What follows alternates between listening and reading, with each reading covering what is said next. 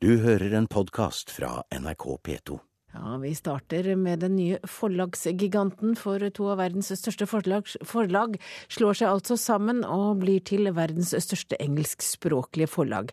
Random House og Penguin vil ha alt fra klassikere som George Orwells framtidsroman 1984 til superfenomenet Fifty Shades of Grey i sin katalog. Og den nye bokgiganten får en fjerdedel av det globale bokmarkedet. The bone chilling new thriller by the internationally acclaimed best selling author Jo Nesbø. De engelske versjonene av Jo Nesbø sine romaner vil etter alt å dømme få et nytt navn på permen. Krimforfatteren blir i USA gitt ut på verdens største engelskspråklige forlag, Random House, og de blir nå halvparten av en ny forlagsgigant. Random House og Penguin Group, et annet av verdens største forlag, har varsla at de vil slå seg sammen. Det nye superforlaget med navnet Penguin Random House vil stå for over en fjerdedel av verdens forlagsvirksomhet.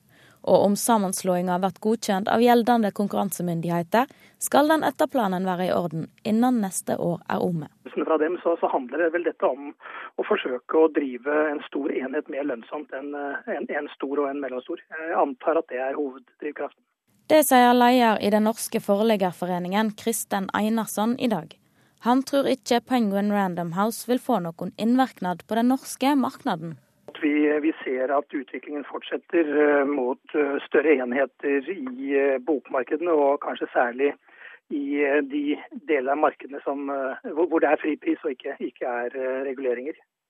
Jeg tror ikke det. Det som er sentralt da, tror jeg både i, den engelskspråklige eh, verden og på det europeiske markedet, er at det uh, opprettholdes et mangfold av lokale eh, forlag i, i en konkurranse. og Derfor så mener vi at det arbeidet som nå pågår rundt norsk boklov, vil være til hjelp for at vi greier å opprettholde mangfoldet. Ja, Reporter her var Maria Pille Svåsand og Agnes Moxnes, du er kulturkommentator her i NRK. Eh, hvem er disse to forlagene som nå til sammen blir verdens største engelskspråklige forlag? Tenk på Penguin har vi vel alle et eh, forhold til. Det er vel et av verdens sterkeste varemerker, vil jeg eh, tro.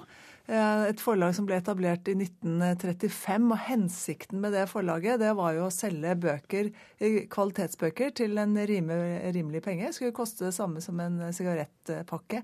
Ble øyeblikkelig en eh, kjempesuksess.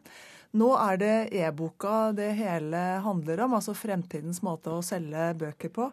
Så jeg eh, tror at det Random House og Penguin her tenker, er at Penguin er det helt riktige forlaget å sende ut i krigen for å vinne denne store e-bokkrigen vi ser bare i begynnelsen av. Ja, det er derfor de gjør det? Ja, det vil jeg helt sikkert eh, tro. At dette er en måte å rasjonalisere, effektivisere, jobbe sammen på. Eh, som gjør at de får eh, muskler som gjør at de kan prøve seg frem.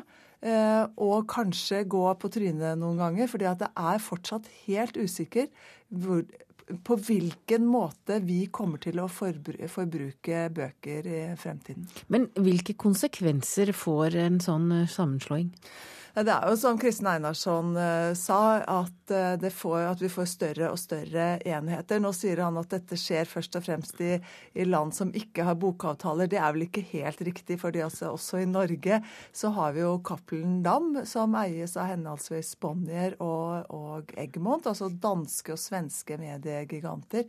Sånn at og Bertelsmann, det tyske store forlaget, eier jo da Random House. Så at du ser her er at du får store giganter giganter, eh, internasjonale størrelser, eh, som ikke bare driver med eh, bokvirksomhet eller for, forleggeri, men også lager TV, lager innhold til sosiale medier og aviser.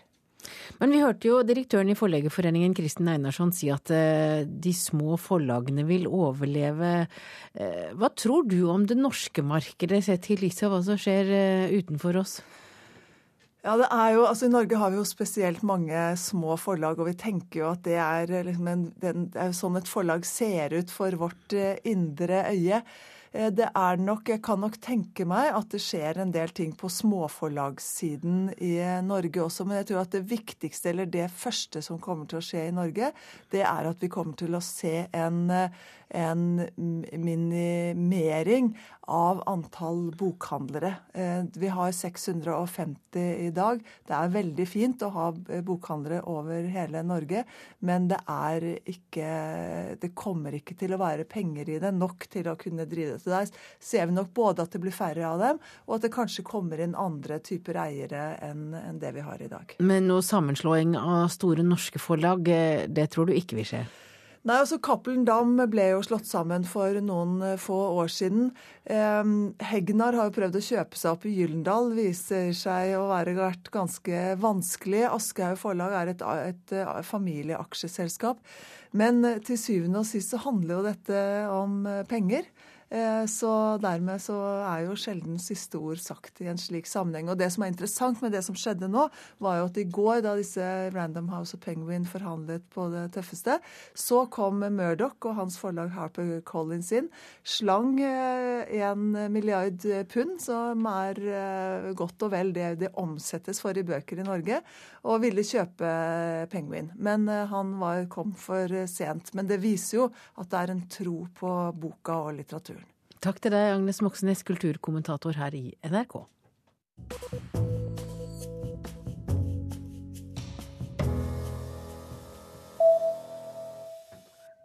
Hun var en av Russlands mest populære TV-stjerner, men Senja Sobtsjak ofret TV-jobben for å kritisere sin egen gudfar Vladimir Putin. I går kveld deltok hun på et seminar om ytringsfrihet i Russland på Nobels fredssenter her i Oslo. Folk stimler sammen for å ta et bilde av seg selv, sammen med damen som kalles Russlands svar på den amerikanske hotellarvingen Paris Hilton. Senja Subsjak er president Putins guddatter, og datter av den kjente politikeren Anatolij Subsjak. Inntil nylig var hun også programleder for et populært reality-program i Russland, men da hun bestemte seg for å bli regimekritiker, mistet hun jobben. I går kveld talte hun om ytringsfrihet på Nobels fredssenter i Oslo. I can't keep silent anymore because all the people of my age, of my auditorium, they share the same values as I did.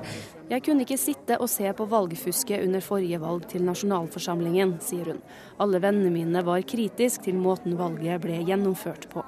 It's, uh, you know, person connected with my father and some history of relationship but on the other side all my friends all my ideas all my ideology so this was this became more important for me Min overbevisning ble viktigere enn familierelasjonene, sier hun. Selv har hun blitt fengslet for meningene sine, men det må hun tåle, sier hun. For det er ingenting mot hva folket vårt risikerte under Stalins regime, sier hun. Now we are saying so much about like how heroic we all are, but we are not. Look, you know, they just put me to jail and then they made me go out. So, like, look, we had much tougher times in Russia. Let's be realistic about this. Half a century ago, for saying out anything against Stalin or Communist Party, families were killed, and still there were people who were ready to fight for their freedom. Også journalist og musikkprodusent Aleksander Sjeparukin deltok på seminaret på Nobels fredssenter. Det var han som fikk stjerner som Paul McCartney og Peter Gabriel til å støtte punkbandet Pussy Riot da de ble fengslet for oppvigleri tidligere i år. Han sier at rettssaken mot Pussy Riot var basert på falske anklager, og at myndighetene prøver å skremme opposisjonelle ved å fengsle dem. They definitely tend to, to scary people because they think that uh, time of dialogue is over. Ja, Det ser jo veldig dystert ut, men jeg vil si at når du ser disse menneskene som er her på dette seminaret, så har jeg ganske godt håp. Det sier Russland-viter Petter Nordmann Våge. Og de finner alltid måter å på en måte komme rundt eh, bestemmelsene på. Det er ikke noen sensur direkte på bøker f.eks. Så det er, det er, et sammensatt bilde, men det er klart at uh, makten ser ut til å gjøre hva den kan for å stoppe det. Stoppe ytringsfrihet. Men jeg tror ikke de klarer det. Ja, det får vi tro han har rett i. Reporter her var Eirin Venås Sivertsen.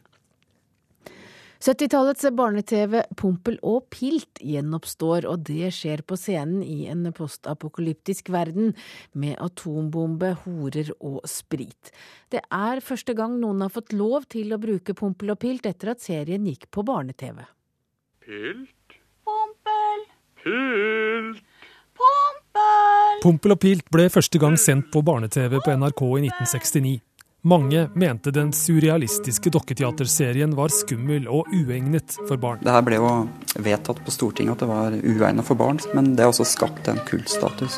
Johannes Skyberg er en av mange voksne som i dag med skrekkblandet fryd minnes Pompel og Pilt fra barne-TV på 70-tallet. Pompel og pilt er jo noe som sitter i ryggmargen på, på, en hel generasjon, og vi er jo av de. og Det er noe som har prega oss, og som en del av kulturarven som har lyst til å bringe videre. Og hvor har pilt vært, spurte Pompel.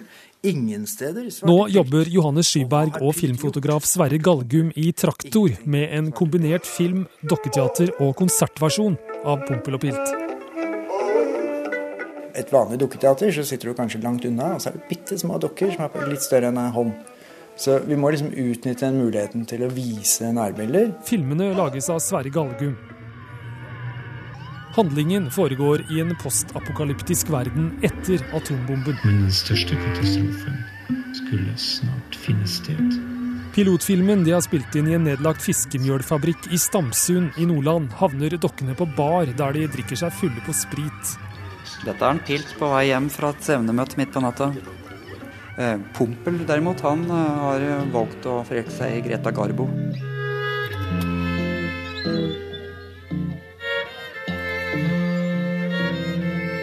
Bak lerretet sitter musikerne Håvard Lund, Are Simonsen og Johannes Skyberg og improviserer over Glenn Millers 'Moonlight Serenade' og Ry Cooders 'Paris, Texas'. Jeg er jo musiker, og det er naturlig å trekke til seg bra musikere og ha live musikk til det her.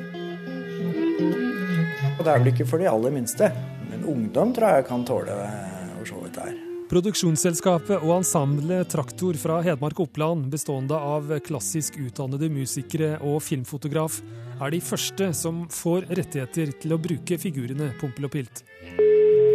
Pompel og Pilts far, dokketeatermannen og forfatteren Arne Bust Mykle, vil ikke la seg intervjue på radio, men bekrefter at mange de siste tiårene har forsøkt å få rettigheter til Pompel og Pilt. Grunnen til at han nå sa ja, er at det hørtes spennende ut, sier han til NRK. Veldig glad for det. Det er jo gull. Alle trodde dette var slutten, for det var ett sted Satan glemte. Pompel og Pilt er en så viktig del av norsk kulturarv. Det er få ting som har på en måte gitt navn til, til en generasjon med, med, som nå er voksne. da. Altså ble tatt av TV og debattert så mye, så betyr det at det er, det er en så viktig del av kulturarven at det egentlig bør komme ut. Pilt? Pompel? Traktor håper å være klar til å reise land og strand rundt med forestillingene innen 2014. Vi hadde jo tenkt på skoleforestillinger og sånn kanskje til å begynne med, men vi har vel skjønt at vi kan tenke større enn som så. Pompel! Og Pompel og Pilt-reporter var Stein S. Eide.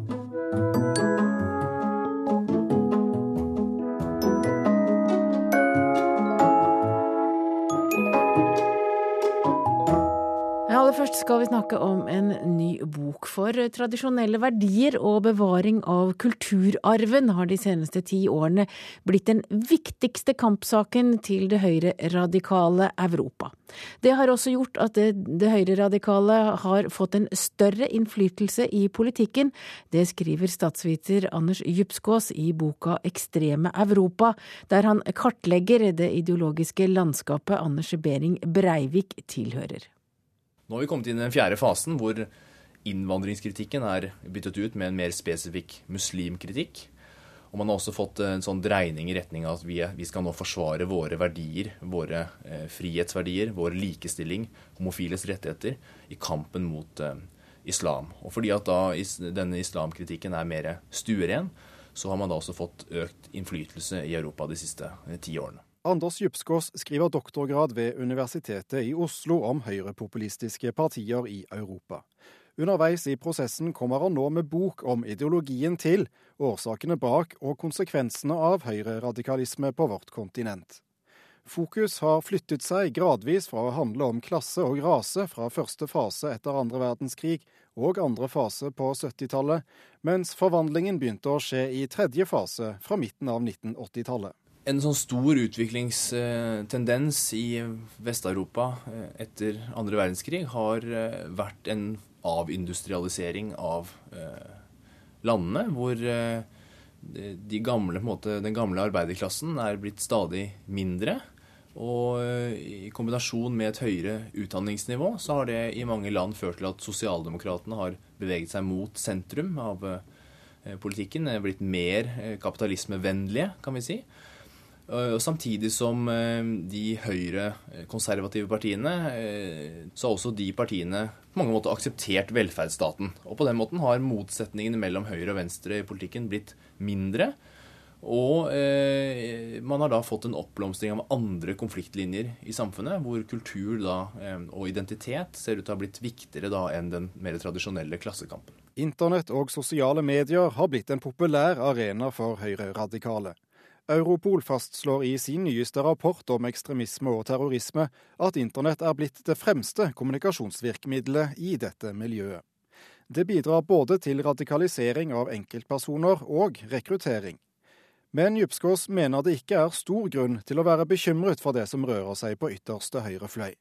Likevel må vi være oppmerksomme og følge med på utviklingen. Mer i, generelt i Europa så er de høyreekstreme gruppene ganske marginalisert. og og ser ikke ut til å ha noe sånn veldig stor gjennomslagskraft. Men man skal være oppmerksom på at de prøver å rekruttere både gjennom musikkscenen, de prøver å rekruttere gjennom fotballmiljø, hooligansmiljøer, og de bruker også da som sagt internett for å sosialisere og rekruttere unge, frustrerte, ofte menn.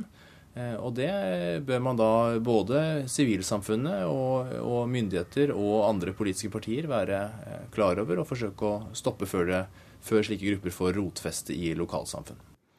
Og reporter her var Thomas Alvarstein Ove. Du har hørt en podkast fra NRK P2.